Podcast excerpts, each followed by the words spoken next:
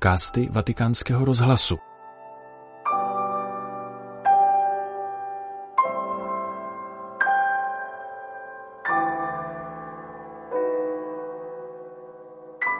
Poslechněte si další díl katechezí papeže Františka na téma evangelizace, kterou přednesl při generální audienci ve středu 23. srpna. Cari fratelli e sorelle, buongiorno. Drazí bratři a sestry, dobrý den.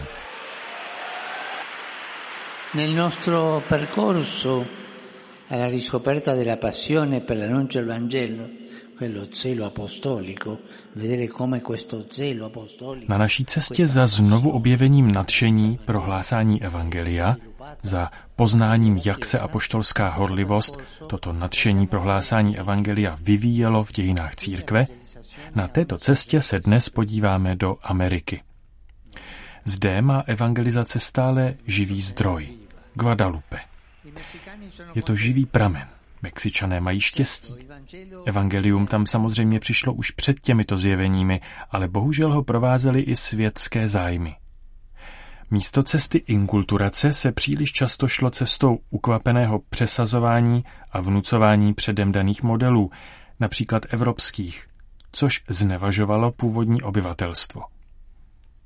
Naproti tomu pana Maria Guadalupská se zjevuje oblečená v oděvu domorodců, mluví jejich jazykem, přijímá a miluje místní kulturu. Maria je matka a pod jejím pláštěm najde místo každé dítě. V ní se Bůh stal tělem a skrze Marii se nadále vtěluje do života národu. Pana Maria totiž hlásá Boha v tom nejvhodnějším jazyce, totiž v jazyce mateřském. A také k nám Pana Maria promluvá mateřským jazykem, tím, kterému dobře rozumíme. Ano, evangelium se předává v jazyce matek. A já bych chtěl poděkovat mnoha matkám a babičkám, které ho předávají svým dětem a vnoučatům. Víra se předává se životem, proto jsou matky a babičky prvními hlasatelkami.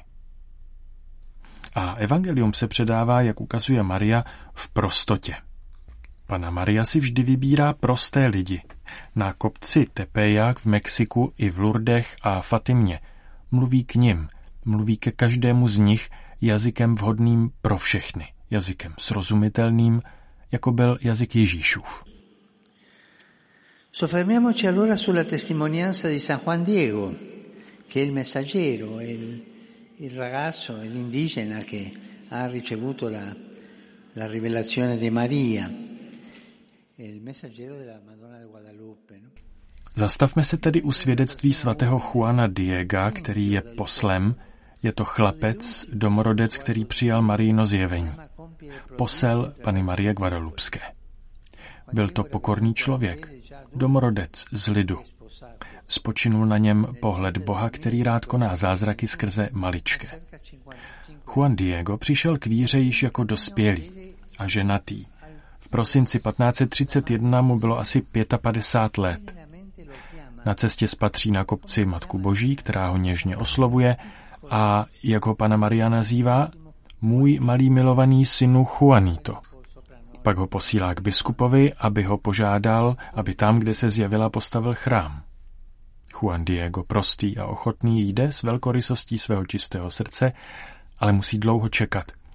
Nakonec promluví k biskupovi, a ten mu neuvěří. Někdy my, biskupové, znovu se setkává s panou Marií, která ho utěšuje a žádá ho, aby to zkusil znovu. On se vrací k biskupovi a po velkém úsilí se s ním setkává, ale biskup ho po vyslechnutí propustí a posílá za ním své lidi, aby ho sledovali. Zde je pak znát únava, zkouška hlásání. Navzdory horlivosti přichází totiž nečekané, někdy i od samotné církve. K hlásání totiž nestačí svědčit o dobru, je třeba umět snášet zlo. Nezapomínejme na to, k hlásání evangelia nestačí svědčit o dobru, ale je třeba umět snášet zlo. Křesťan koná dobro, ale snáší zlo. Obojí jde ruku v ruce. Takový je život. I dnes na tolika místech vyžaduje unkulturace evangelia a evangelizace kultur vytrvalost a trpělivost. Vyžaduje nebát se konfliktů, nestrácet srdce. Mám na mysli země, kde jsou křesťané pro následování, protože jsou křesťané a nemohou své náboženství praktikovat dobře a v míru. Juan Diego, znechucený tím, že ho biskup odmítal, žádá panu Marii, aby ho uvolnila a jmenovala někoho váženějšího a schopnějšího než je on. Ale je vybízen, aby vytrval. Při hlásání je vždy riziko určité kapitulace. Jedna věc nedaří a člověk couvne. Znechutí se a možná se uchýlí k vlastním jistotám, do malých skupinek a k nějakým intimistickým pobožnostem. Na druhé straně pana Maria nás sice utěšuje, ale zároveň nás nutí jít ku předu. A tak nás nechává růst. Jako dobrá matka, která zatímco sleduje kroky svého dítěte, uvádí ho do výzev světa. Juan Diego, così incoraggiato, ritorna dal vescovo che gli chiede un segno. La Madonna glielo promette. E Takto povzbuzen se Juan Diego vrací k biskupovi, který ho žádá o znamení. Pana Maria mu ho slibuje a utěšuje ho těmito slovy. Ať se tvá tvář, tvé srdce netrápí. Nejsem tu snad já, která jsem tvá matka?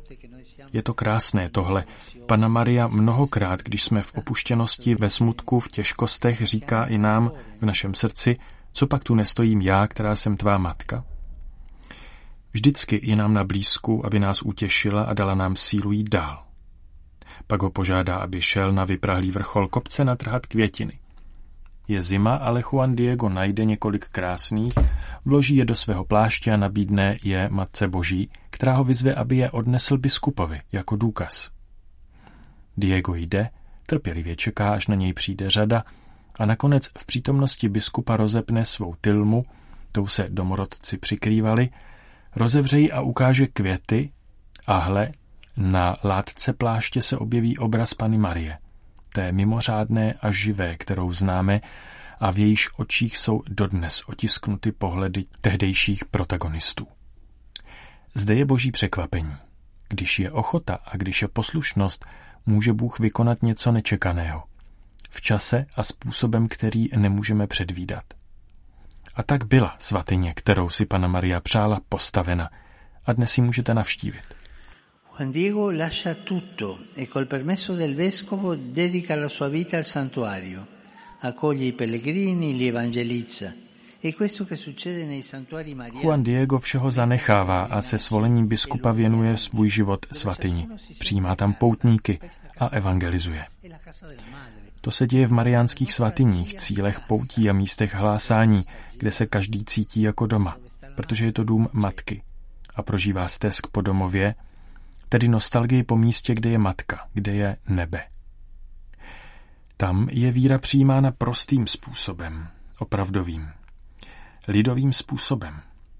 A Pana Maria, jak řekla Juanu Diegovi, naslouchá našemu volání a uzdravuje naše bolesti. Učíme se toto. Když jsou v životě těžkosti, jdeme k matce. A když je život šťastný, jdeme k matce, abychom se o to také podělili. Potřebujeme chodit do těchto oáz útěchy a milosedenství, kde se víra vyjadřuje mateřským jazykem, kde skládáme námahu života do náruče Pany Marie a vracíme se do života s pokojem v srdci, snad s pokojem dětí. E con la pace del cuore, forse con la pace dei bambini. Tolik papež František v další ze svých katechezích na téma evangelizace. Tento podcast pro vás ve Vatikánu připravil Petr Vacík.